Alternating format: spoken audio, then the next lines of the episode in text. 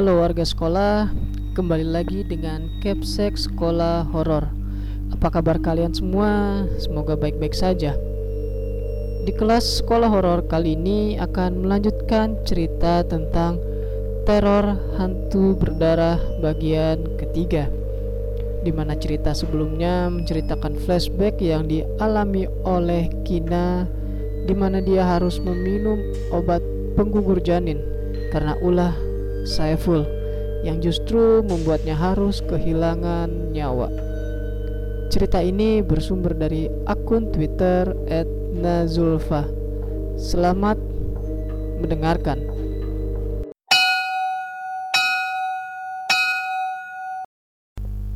Terlebih saat mengetahui aku tengah mengandung saat itu. Sedangkan Saiful ia merasa takut bukan main. Di pemakaman, aku melihat dia menangis dan berkali-kali meminta maaf. Tapi semua sudah terlambat, Saiful. Aku terlanjur kecewa padamu. Aku sudah menaruh dendam padamu. Dan kini, aku akan membalaskan dendamku Dendam karena aku dan janinku harus mati dengan tragis. Dendam karena ibuku menjadi kehilangan akal. Aku tak akan memaafkanmu, Saiful. Sampai kapan pun, aku akan tetap menghantuimu. Mulai malam ini dan hingga kau mati. Aku terus meneror Saiful dari mulai memperlihatkan diri dengan wajah yang buruk rupa mengubah makanan lezatnya menjadi belatung serta darah. Bahkan aku membuatnya seperti orang gila. Berkali-kali ia ketakutan melihat wujudku. Tapi aku tak peduli. Semua ini salahmu.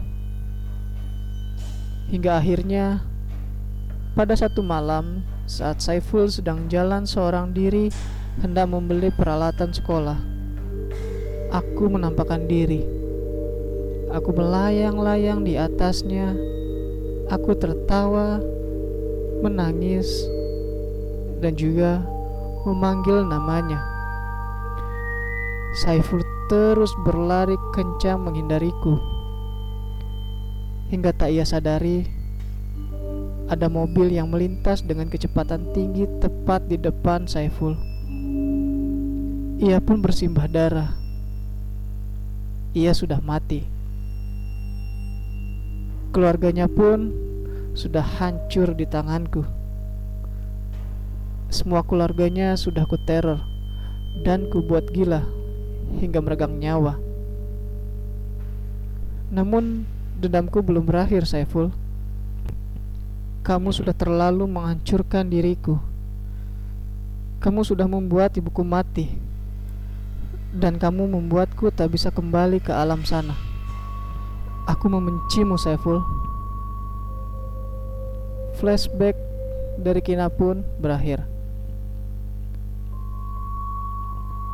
Semua sudah binasa karenamu. Lalu sekarang apa lagi yang kamu inginkan, Kina? Tanyaku pada Kina. Sejak tadi ia bercerita, wajahnya terus memancarkan amarah. Tangisnya tak bisa ia bendung dan kurasa hatinya sangat hancur. Aku ingin janinku, Zea. Ujarnya sembari memegang perut. Bantulah aku untuk menemukan janinku. Aku menatap Kina. Jelas aku tak bisa menolongnya. Dia seperti ini karena ulahnya sendiri dan dia harus menanggung semua akibatnya sendiri. Aku tidak bisa, Kina. Maaf. Kenapa tidak bisa? Ini kesalahanmu. Cobalah ikhlas menerima semua yang sudah terjadi. Singkirkan rasa dendammu. Kina menggeleng kuat. Aku sakit hati, Ze. Dia menghancurkan masa depanku. Aku tersenyum tipis ke arahnya. Iya, Saiful memang salah. Tapi lupakah kamu kalau dia pernah membahagiakanmu? Tapi dia jahat. Dia membuat ibuku tiada, membuat aku seperti ini dan aku kehilangan janinku. Lalu apa bedanya kamu dengan Saiful? Kamu membunuhnya, kamu meneror keluarganya. Keluarga Saiful telah binasa, binasa karena ulahmu kina, sarkasku. Sungguh aku benar-benar tak habis pikir dengan Kina. Sebenarnya ia adalah anak yang baik, tapi karena dendamnya, ia menjadi seorang iblis pembunuh yang keji. Kalau begitu, bisakah kau mengurangi rasa sakitku ini? Aku menggeleng lemah sembari tersenyum. Kamu harus ikhlas.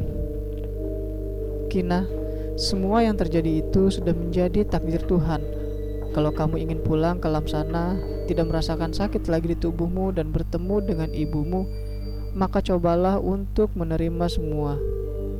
Jangan lagi menakut-nakuti orang. Aku percaya dulu kamu anak yang baik. Jelasku. Apakah jika aku sudah tak menyimpan dendam, aku tak akan merasakan sakit lagi? Apakah aku bisa bertemu ibuku di sana? Aku mengangguk pasti. Iya, kuncinya ada pada dirimu. Kamu harus bisa menerima semua ini. Tapi bagaimana dengan bayiku, Zea? Tanyanya. Sungguh aku tak tega. Dia sudah bahagia bersama Tuhan di sana. Jadi kamu tak perlu berlarut-larut dengan kesedihanmu. Aku mencoba meyakinkan Kina yang semakin terseduh. Tapi aku bukan ibu yang baik, Zea. Iya, kamu memang bukan ibu yang baik. Tapi kalau kamu kayak gini terus malah bikin bayimu sedih dan kamu masih tertahan di dunia manusia ini. Kamu nggak mau terus-terusan di sini kan? Kina mengangguk lemah. Makanya, coba ikhlasin ya dan coba untuk berbuat baik. Kamu pasti nggak mau kan dimanfaatin buat ngelakuin hal-hal yang jahat dan kamu semakin lama di sini. Lagi Kina mengangguk semari tersenyum. Terima kasih Zea. Sama-sama jawabku. Boleh aku menjadi temanmu? Aku mengangguk. Dan mulai hari itu Kina tak lagi berbuat jahat. Perlahan ia juga menerima kenyataan bahwa ia harus meninggalkan dunia secara mengenaskan.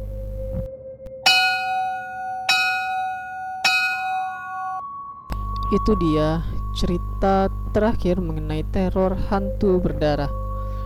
Wow, mungkin ini ya yang disebut dengan roh penasaran. Sosok Kina yang menjadi roh penasaran karena dendam yang dimilikinya kepada Saiful.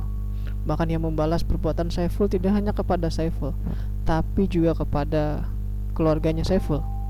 Semoga ada pelajaran yang bisa kita ambil dari kisah Kina Terima kasih buat kalian warga sekolah yang telah mendengarkan cerita ini dan terima kasih juga kepada akun Twitter @nazulfa yang telah memberikan kami izin untuk membacakan cerita ini. Jangan lupa like dan share video ini agar warga sekolah horor semakin bertambah. Dan sampai jumpa di kelas berikutnya.